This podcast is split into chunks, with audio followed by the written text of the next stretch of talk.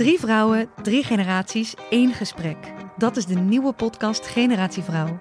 Samen met babyboomer Nora Beijer Wij vonden dat heel gewoon. en Roos Slikker uit Generatie X Jouw generatie doet dat. onderzoek ik, millennial Eva Breda, wat we van andere generaties kunnen leren. Iedere vrijdag een nieuwe aflevering op Flair, Libelle of margriet.nl slash podcast.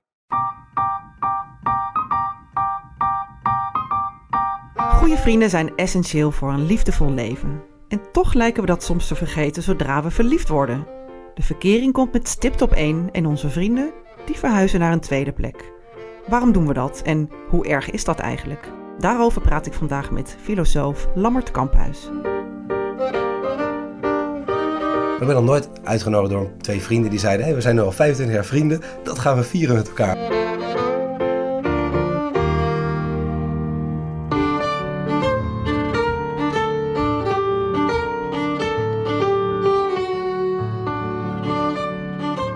Lammert, welkom. En leuk dat je er bent eh, in mijn podcast over de liefde. Eh, vandaag gaan we het niet hebben over liefdesrelaties, maar we gaan het hebben over vriendschappen. Heb jij het wel eens uitgemaakt met een goede vriend of vriendin? Eh, ja, ik heb het wel eens uitgemaakt met een vriend. Oh ja, waarom? Ja, die was, die was een aantal keren echt over mijn grens heen gegaan. En dat had ik al een paar keer benoemd, maar dat bleef maar, maar, maar gebeuren. En ehm, toen, heb ik, toen heb ik het uitgemaakt. En toen heb ik ook erbij verteld echt waarom ik het uitmaakte. Dat is wel raar, want we, we maken natuurlijk vriendschappen eigenlijk eh, over het algemeen niet echt. Meestal verwateren ze. Mhm. Zo in de liefde, in de liefdesrelatie, die maak je uit en die maak je aan. En zo, daar hebben we hele duidelijke, redelijk duidelijke Mhm. rituelen voor. Niet altijd even duidelijk, maar, maar in de vriendschap ehm, meestal verwatert het. En dat is denk ik ook wel prima. Maar soms dan kan het niet anders dan dat je het echt even uit moet maken. Ja, ja, ja.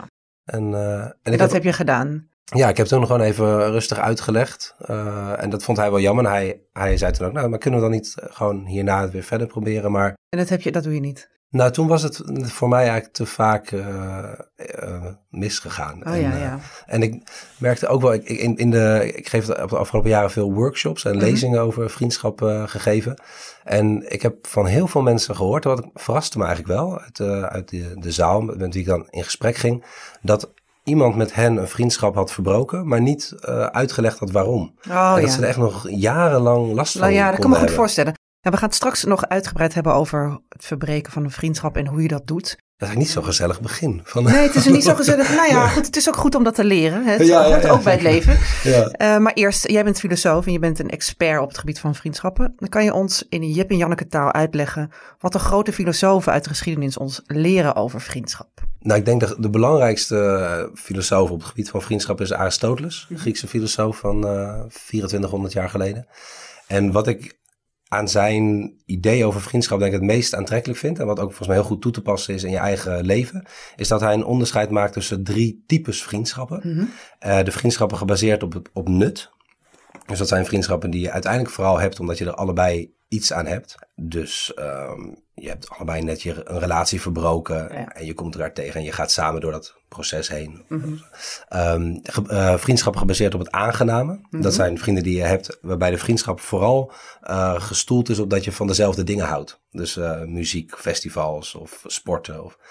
En het interessante is, Aristoteles zegt, die vriendschappen die verdwijnen meestal als het nut of het aangename verdwijnt. Ja, want dat verandert in een mensenleven Ja, natuurlijk. die, ja, precies. Ja, op een gegeven moment dan ben je allebei door dat rouwproces van je relatie heen. En dan merk je ineens, hey, nou, eh, we zien elkaar minder. En Aristoteles zegt dat is eigenlijk ook prima. Mhm. En dat gebeurt volgens hem niet zo snel bij het eh, derde type. Dat zijn de vriendschappen gebaseerd op het goede. En die heb je eh, met mensen omdat je gewoon geniet van hun persoonlijkheid, van, van hun karakter, Oh ja. wie, ze, wie ze zijn. En daar is Aristoteles echt lyrisch over, dat soort vriendschappen. Hij zegt ook, eh, ja, dat, dat kan soms voelen alsof je één ziel in twee lichamen bent of zo, bijna een ander zelf of zo, zo intiem. Wauw, Ja, hij, hij, en dat is hij, bijna een liefdesrelatie. ja, hij, ja, hij gaat daar. En het, het grappige is ook dat hij. ehm, dat klopt wel wat jij zegt, want eh, hij. Ergens in zijn, een van zijn boeken zegt hij ook. Eigenlijk zou je van dat soort vrienden. zou je er eigenlijk maar eentje kunnen hebben. Als je denkt dat je de meerdere hebt, dan heb je het nog nooit ervaren. Dat is zoiets unieks. Ja, ja.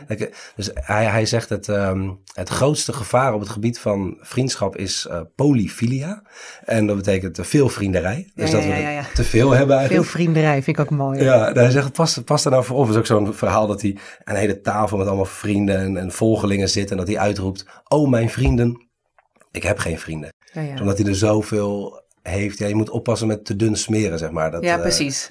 Dus kwaliteit boven kwantiteit. ja, ja. Ja, en het grappige is dus dat hij op bepaalde plekken echt pleit voor monofilie. En in die tijd in, in Athene waren ze allemaal polygaam. Mhm. Eh, dus je zou kunnen zeggen dat was een, een polygame monofiele cultuur. en wij zitten natuurlijk over het algemeen, niet, niet Ja. iedereen, maar zitten wij in een eh polyfiele monogame Ja, cultuur. ja, ja.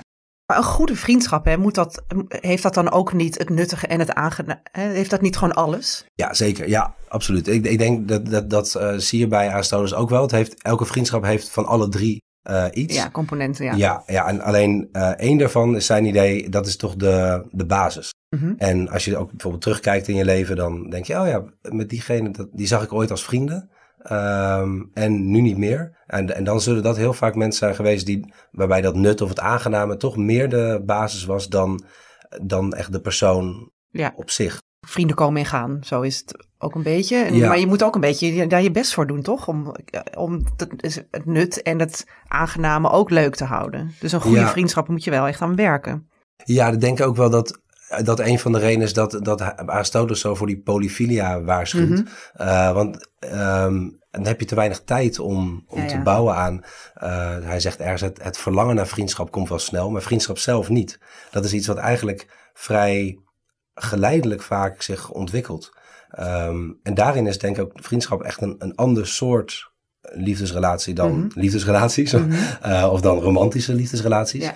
Want die, ja, die kunnen er eh, in één keer zijn. Of zo. Mhm. Gewoon bam, op één avond. Ja, liefde op het eerste gezicht. Of... Ik heb dat ook wel met vriendschappen hoor, trouwens. Oh ja? Ja, ik kan wel echt verliefd worden op, of een soort verliefdheid voelen voor een vriendschap. Of voor iemand met wie ik dan vervolgens een vriendschap aanga. Oh, leuk. Herken je dat? Nou ja, ik heb dat zelf nog nooit. Ik, ik heb het hier ook wel eens dus over met, met groep. Ik heb het zelf nog nooit zo ervaren. Bij mij is het vaak wel heel geleidelijk gegaan. Oh, Ehm, maar ik hoorde, wel eens, ik hoorde laatst ook in, in de zaal, toen hadden we het hier ook over. Want in het Grieks zijn er ook twee woorden voor eh, liefde. Dus de, de romantische liefde, dat is eros, van de erotiek. Mhm. En de vriendschapsliefde is eh, filia.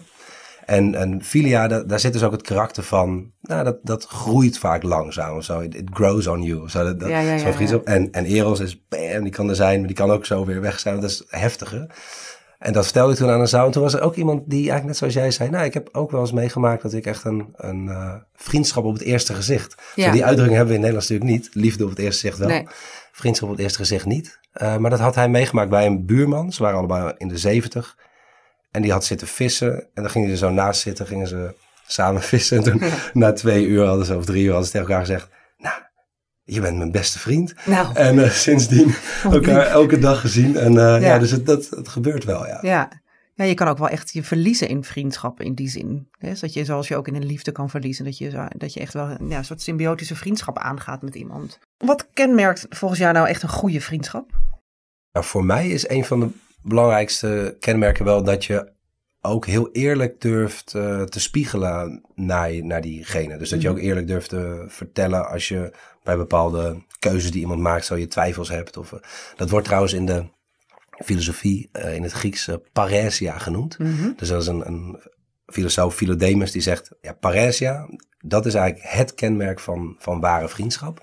Eh, en en dan, dan zegt hij daar ook bij, dat is dat je zo eerlijk tegen elkaar kunt zijn, dat je ook je vriendschap op het spel durft te zetten. Oh ja. Dus echt een beetje pijnlijk eerlijk, maar wel altijd met het, het oog op het eh, welbevinden van de ander. Maar wel dat je ja, dat echt een beetje kan schuren, zo eerlijk Oh eh, ja, zijn. ja. Ehm, laatst belde een vriendin me op en die had sinds de eh, basisschooltijd een hartsvriendin. Mhm. En die was een paar jaar geleden verliefd geworden op een man en het ging een tijdje heel goed. Maar de laatste paar keer dat ze haar gesproken had, had die hartsvriendin gezegd, ja, ik voel het toch niet meer zo. En hij is ook wel heel jaloers. En Dus ik ga het uitmaken.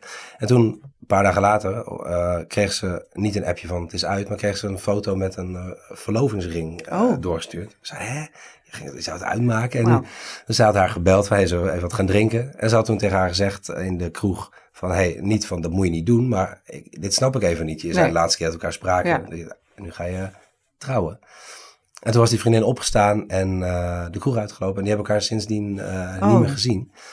En toen vroeg ze aan mij van, ja, wat is het is hier nou gebeurd? Want, eh, dus ik probeerde haar nog een beetje te troosten van... eh ja, Philodemus, die zou heel trots op je zijn geweest. Ja. Dit was wel echt, dit was echt Paresia. Ja. Zeg maar, zo eerlijk zijn dat je een Ja, ze heeft natuurlijk een spiegel voorgehouden die, die spiegel eh, die ze eigenlijk niet, niet had willen zien. Denk ik, ja. ja. ja. dat had ze niet willen, ja, ja. Maar er is ook wel discussie hierover trouwens hoor. Er zijn ook filosofen, zoals in de filosofie is overal een discussie over. Maar Ja. dat, is het leuke eraan. vind. Precies. Ehm, maar de Erasmus bijvoorbeeld, een Rotterdams filosoof, die zegt die eerlijkheid in vriendschappen, dat is echt enorm overschat. Overrated. Ja, want je kan, ik kan me ook voorstellen dat je dan denkt, ja god, ik gun ook het allerbeste. En ik ben er wel weer voor je als het slecht gaat. En eh, hè, dus Ja. dat is ook een manier van vriendschap hebben met Dat, elkaar. ja, dat is eigenlijk, ja, dat is precies Erasmus' idee. Dus die zegt, eh, vriendschap, eigenlijk zit daar ook een beetje het idee in, ehm, geef elkaar ook gewoon lekker de ruimte om fouten te maken. En steun gewoon altijd, zegt Erasmus. Ja. Dus ook als iemand weer met een partner aankomt, dat je meteen al denkt, oh nee, hoor. precies hetzelfde als altijd. En- maar toch, eh, als diegene aan het eind van de avond vraagt van, nou, wat vind je ervan? Ja, dus dat zijn eigenlijk twee, twee manieren om een vriendschap met elkaar te hebben. Ja. Is een hele, hele, opre- eh, een, een, een hele confronterende, eerlijke manier. eh, Ja. Waarin je ook echt het, ja, de discussie niet uit de weg gaat. Ja. Of de, de zalvende manier eh, ja, waarmee je juist wel die, die schuren, dat schuren uit de weg gaat. Maar ja, wat Ja. is nou het beste? Ja, ik denk dat... Vragen we jou. Ja, nou, ik denk dat er dus geen algemeen antwoord is, maar, ik- maar dat, dat dit wel een gesprek is wat eh, heel erg de moeite waard is om met je echt goede vriendschappen dus, te voeren. Gewoon Ja. eens om op tafel te leggen.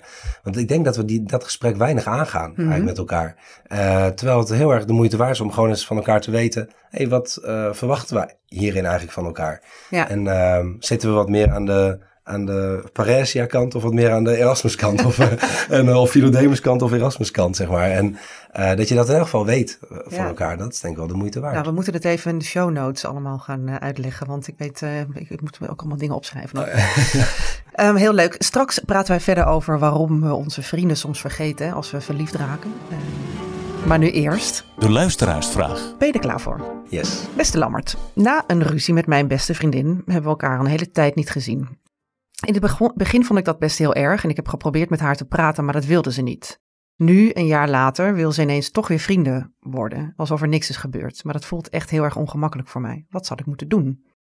Ja, ik begrijp uit de luisteraarsvraag dat het niet echt uitgesproken is in elk geval. Nee, dat snap ik, begrijp ik ook uit. Nee, het is Ja. denk ik niet uitgesproken en ik denk dat de een het wel wilde, de ander niet. Oh, dus ja. eigenlijk een beetje waar we het net over hadden. De, Ja. de, de een wilde de confrontatie wel aangaan Ja, en de ander niet. ja, Dus Ja. die, zitten dus op beide, ze zitten allebei op een ander spectrum. ja, precies. Ja, ja. Ik denk dat, ehm, kijk, allereerst is het natuurlijk zo, dat als eh, degene die deze vraag stelt in alles voelt, ik wil dat contact niet meer, dat je dat denk ik heel serieus moet nemen. Ja, ja.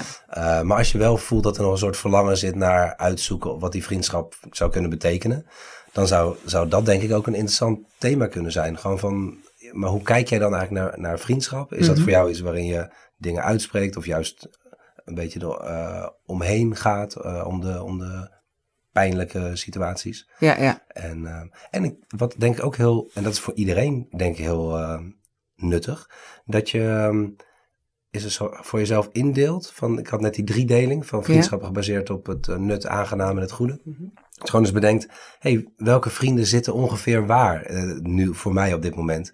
Want heel vaak is het denk ik ook zo dat een vriendschap ingewikkeld wordt, omdat het voor de een meer, toch meer gebaseerd is op nut of mm-hmm. aangenaam. En voor de ander het goede. Ja. Dus dat je daar ook heel bewust van bent. Ja, ik denk ook dat het, dat, misschien is dat in deze vraag ook wel zo. Hè? Soms, soms loopt dat natuurlijk scheef. Want heb jij ja. het gevoel hè, dat, dat, je, dat we op het nuttige zitten en zit ik op het goede? Ja, en, en, en dan, ja, dan loopt het scheef. En wat doe je dan? Ja, ja Aristoteles zegt uh, dat is eigenlijk meestal volgens hem de reden dat een vriendschap uh, overgaat. Oh ja. Zo, ja dat, als je dan toch echt heel verschillende verwachtingen ervan hebt, um, is dat vaak een reden dat, het, dat je uit elkaar gaat ja. uh, leven. Ja. gaat groeien. En hoe erg is dat eigenlijk? Hè? Want vriendschappen komen en gaan, zeiden we net ook al. Je hebt, ja, je hebt sommige vrienden voor het leven. En dat, en dat spreek je soms ook uit. Hè? En dat heb je soms dat gevoel ook van het is voor het leven. En dan gaat het toch, eh, verliezen we dat toch. Ja, Ja, hoe erg is dat eigenlijk? Dat, ja, eh, eh, ja, dat we vrienden verliezen. ja. Ik denk dat het niet erg is. Ik, ik denk dat het wel ook bij eh, het einde van een vriendschap echt sprake kan zijn van liefdesverdriet. Een, Mhm. een, een tijdje. Ehm, maar het is inderdaad ook wel mooi om daar zo naar te kijken dat het leven nu eenmaal zo gaat. Eh, eh, Nietzsche, de Duitse filosoof uit de 19e eeuw, die, heeft, die had een heel goede vriendschap met Wagner, de componist. En dat is Oh, op een gegeven moment uit elkaar gegaan. En die heeft er toen heel mooi eh, over geschreven in Sterrenvriendschap. En dan gebruikt hij het beeld van twee schepen die een tijd lang samen in de haven lagen en Oh dachten... Ja, we hebben onze bestemming. eh, dit is het. Ja. Maar dan steekt de wind weer op en dan worden we andere kanten opgeblazen. En dan zegt hij, eh, op een gegeven moment dan komen we misschien wel weer samen, maar herkennen we elkaar niet meer, want de zonnen en de zeeën hebben ons veranderd. Nou, echt wat En- mooi. dit. heel mooi, hè? Ja, ik Ja. zie het helemaal voor me. Ja, ja, ja. het- ik vind het ook mooi omdat het zo oordeelloos is. Ja, ja, ja. We zijn denk ik ook vaak geneigd om dan toch schuld te gaan zoeken van, ja, jij hebt te weinig geïnvesteerd. Of, ehm, maar Nietzsche maakt met dat beeld eigenlijk duidelijk, ja, de wind waait soms de een de ene kant op en de ander de andere kant Ja. op. En eh, zo, zo gaat het. En zo is het leven, ja. Maar moeten we dan een, een vriendschap eh, opzeggen in zo'n geval? Of, of is verwateren eigenlijk ook wel een optie? Ja, ik denk dat, dat bij heel veel vriendschappen, dus die meer nut of aangenaam zijn, dat, dat verwateren gewoon eh, gebruikelijk is. Of, en, en ook helder is. Maar bij, ik denk bij vriendschappen die echt heel intiem zijn geweest, of, of bij echt zeg maar, dat idee van ja, één ziel in twee lichamen Ja. of zo. eh, dat het dan dus wel heel erg de moeite waard kan zijn om het uit te leggen. Ja. Want ja, om, om wat ik in het begin ook zei, dat eh, mensen echt jarenlang er last van kunnen hebben. Van wat heb ik nou fout gedaan? Ja, zeker. Ja, ja. En dan soms na acht jaar iemand spreken en dan zegt diegene, joh, ja, ik heb toen gewoon een heel nieuwe afslag in mijn leven genomen. Ik ben een heel ander leven. En ja, daar past eh, onze vriendschap niet meer goed in. En dan ineens worden ze een soort van, ja, verlost van die vraag, wat, wat heb ik nou fout gedaan? ja. Dus ja, ik denk dat bepaalde vriendschappen, in bepaalde echt heel goede, intieme vriendschappen, is het een soort laatste vriendschapsdaad, denk ik. Om nog duidelijk uit te leggen waarom jij een andere kant op gaat varen. Ja, het is zo bijzonder, hè? want we doen het in een liefdesrelatie, zijn we heel erg, wat we net ook al zeiden, we weten heel erg van oké, dit is een begin en het einde, dan gaan we ook echt verbreken. En, en in vriendschappen doen we dat eigenlijk helemaal niet, Eh, Nee. heel weinig. En toch, als er een nieuwe liefde in het leven komt, dan heb, die staat meteen nummer één. Vrienden vergeten we wel eens, voor het gemak, dat ze Ja. er ook nog zijn.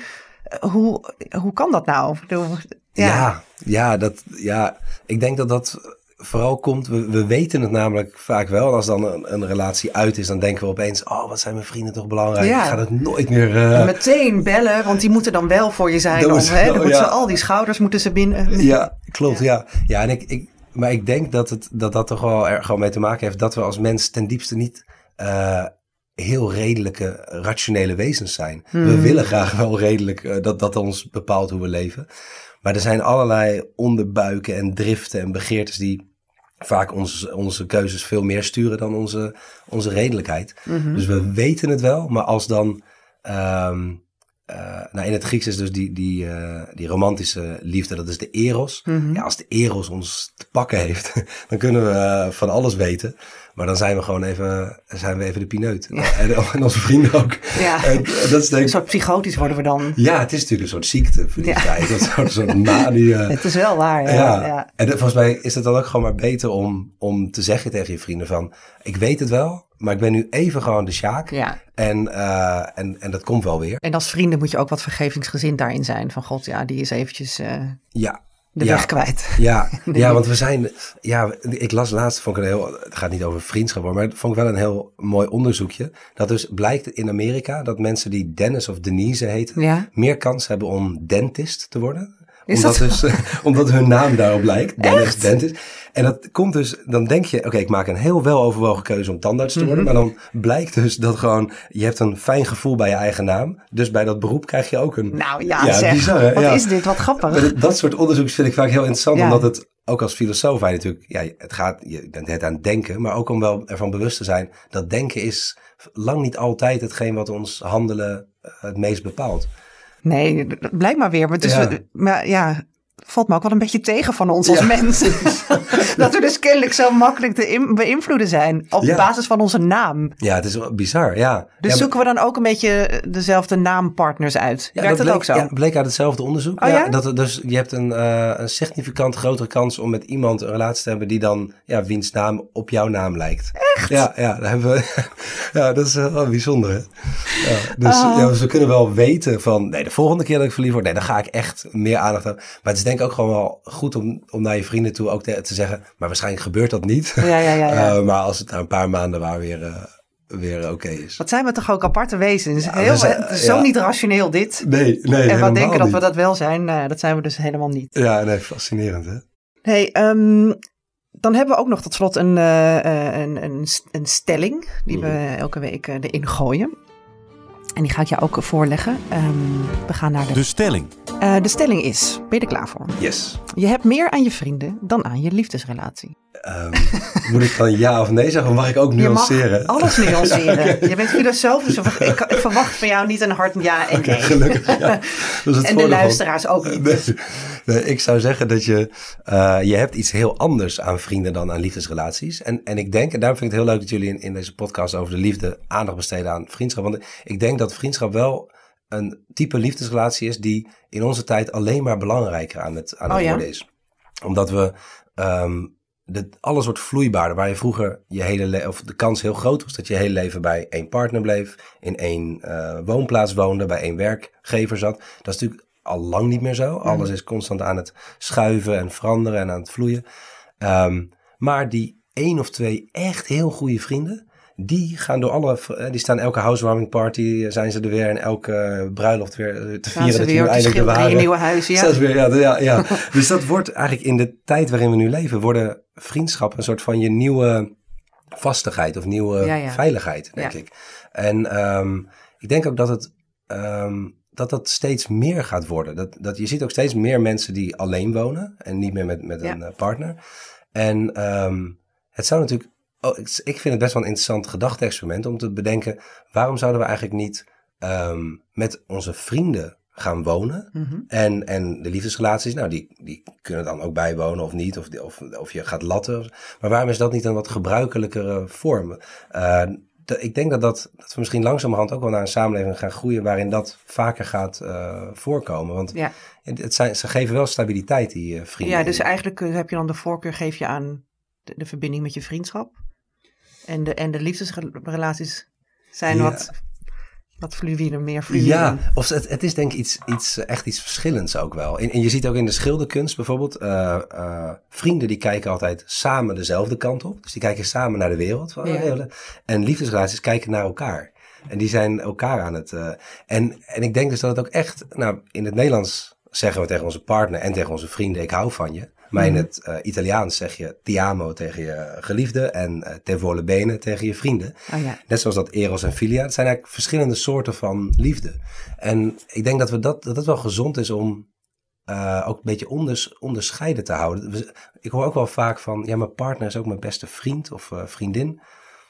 Ik vind het ergens wel gezond als dat niet zo is. Ja, ik ben het daarmee eens. Ik, heb er, ehm, ik, ik bedoel, ik schrijf ook een wekelijkse column en deze week eh, heb ik daar ook over geschreven dat we toch te veel in de eh, te veel druk leggen op, op het romantische, de, de romantische liefde. Ehm, en we willen eigenlijk alles. We willen Mm. en een vriendschap, we willen, het moet ook spannend, het moet ook avontuurlijk. Het is allemaal alles in één. Dus de druk wordt zo hoog op die, op die ene uitverkorene dat het Ja. bijna niet meer goed kan gaan. Ja, denk ik ook. Ja. Mhm. En als het dan ook nog je beste vriend moet zijn. Ja. En ja, dan, dan... Je kan niet alles in één liefdesrelatie Nee, nee, precies. Leggen. Nee, klopt. Ja. Ja, Dus de rol van vriendschap, zeg jij, is eigenlijk, moet, moet eigenlijk veel meer, ja, moet, moeten we eigenlijk meer omhoog liften. Ja, ik, vind dat, ik zou het wel mooi vinden als er wat meer waardering ook voor komt. Bijvoorbeeld, ehm, ehm, ik word voor allerlei feestjes uitgenodigd. Housewarming parties en nieuwe banen en eh, huwelijken. Maar ik ben nog nooit uitgenodigd door twee vrienden die zeiden... We zijn nu al 25 jaar vrienden, dat gaan we vieren met elkaar. Heb je het zelf wel eens georganiseerd? Nee, nee, maar ik, ik, ehm, eh, ik heb geen vrienden die ik al 25... Nee, nee, wel, nee. ja, maar ik, Ik zou het wel leuk vinden. Ik zou het wel... Ik heb wel geen vrienden. Nee, daarom denk je er eens over na. Nee, maar ik zou het wel leuk vinden. Of, of je hebt bijvoorbeeld ook niet bij de notaris, eh, nog niet in elk geval, een vriendschapsakte. Nee. Die je kan, Oh ja. bijvoorbeeld dat je eh, bij, bij je partner hoef je, heb je het verschoningsrecht. Hè? Je hoeft dan niet te getuigen in de rechtszaak tegen je, tegen je partner. Of je kunt geld nalaten zonder belasting. Dat dat misschien, dat daar ook eens over nagedacht wordt voor... Ja, het is wel interessant. Ja. En vriendschappen. zeker in deze tijd waarin we toch veel meer alleen zijn en alleen wonen. De alleenstaande groep, alleenstaande in Nederland, is echt enorm. Is, heel, Ja. is echt heel groot en, en groeiende. Klopt. Ja. Ja, dat vind ik eigenlijk wel een mooie gedachte, ja. Hey, en eh, zeg jij wel eens tegen je vrienden, ik hou van je? Ja, dat ben ik ehm, steeds meer eigenlijk gaan doen. Ja, ook omdat ik ook wel geloof dat ehm, door het uit te spreken, wat we misschien dus ook misschien iets gebruikelijker is in liefdesrelaties dan in vriendschappen, ehm, dat je daarmee ook iets kunt ehm, verstevigen of bevestigen of zo. Dat ehm, nadat je, vaak zijn mijn, mijn echt heel goede vriendschappen, is ook altijd een moment geweest dat je dan op een feestje of zo was en iemand anders komt erbij eh, en, wat zijn jullie van elkaar, dat je dan zo zegt, ja, dit is echt een heel goede vriend van mij. En, eh, en dat je ander, ja, ja, en dan kijk je elkaar even zo, Ja, oh ja, ja, dat, is eigenlijk ook wel zo, ja. ja, dus op het moment dat je dat dan uitspreekt, dan, eh, dan doet dat ook iets. En dat geldt denk ik ook gewoon voor, ik hou van je tegen elkaar zeggen. Dat dat, dat bevestigt of eh, verstevigt vriendschappen ook, ja. Dus dat zouden we echt veel meer moeten vieren eigenlijk. Ja, En, ja. en veel meer moeten uitspreken naar elkaar. En, en, en vriendschappen veel, ja, veel meer aandacht geven in die zin. Ja, ik, Ja. ik vraag ook wel eens aan zalen, wat denk je nou dat jouw, als je een beste vriend of vriendin, of één van je beste vrienden of eh, vriendinnen, eh, wat denk je dat diegene eigenlijk jouw mooiste eigenschap vindt? Oh ja. En va- vaak eh, hebben we geen idee da- daarvan. Zo. Dat ook wel wonderlijk is. Dat je zulke goede vrienden bent, maar, maar kennelijk dat nog nooit uitgesproken hebt of besproken hebt. En ehm, dat zijn wel mooie gesprekken, denk ik, om te Ja, voeren. zeker mooie gesprekken. Zullen we vrienden worden? Ja, we gaan vrienden worden. We wonen toch vlak bij elkaar, dus Ik wil vrienden met jou worden. ja. Bij deze. Leuk, gaan we. Nou, nou, dat is nog, als ik nog één ding mag zeggen. Ja, gaan zeker. We, ja. ik, een- ik sprak laatst een, een vriendin van mij, die, die had ooit een les gekregen van haar eerste manager. Die, die had, ze had aan hem gevraagd, wat is nou eh, jouw belangrijkste levensles? Want die man was in de 60 en zij was toen eh, midden 20. En toen had hij tegen haar gezegd, ehm, eh, een echt goede vriendschap vinden is, is als eh, zoeken naar een speld in een hooiberg. Zo, dat is echt iets zeldzaams.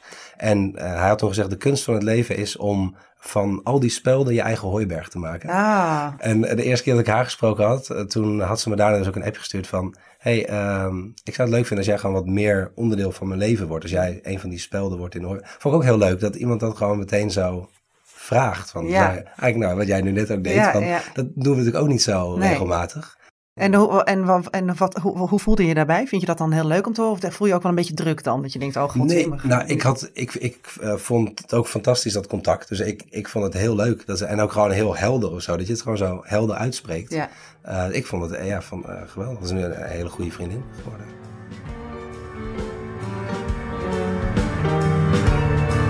Leuk dat je luisterde naar Over de Liefde. Heb jij nou een prangende vraag over de liefde, seks of relaties? Laat het mij dan weten. Stuur een DM op mijn Instagram of mail naar debbie.ad.nl. Oh, en vergeet niet om je te abonneren op deze podcast. Drie vrouwen, drie generaties, één gesprek. Dat is de nieuwe podcast Generatie Vrouw. Samen met babyboomer Noralie Beijer Wij vonden dat heel gewoon. en Roos Slikker uit Generatie X Jouw generatie doet dat. onderzoek ik, millennial Eva Breda, wat we van andere generaties kunnen leren. Iedere vrijdag een nieuwe aflevering op Flair, Libelle of margriet.nl slash podcast.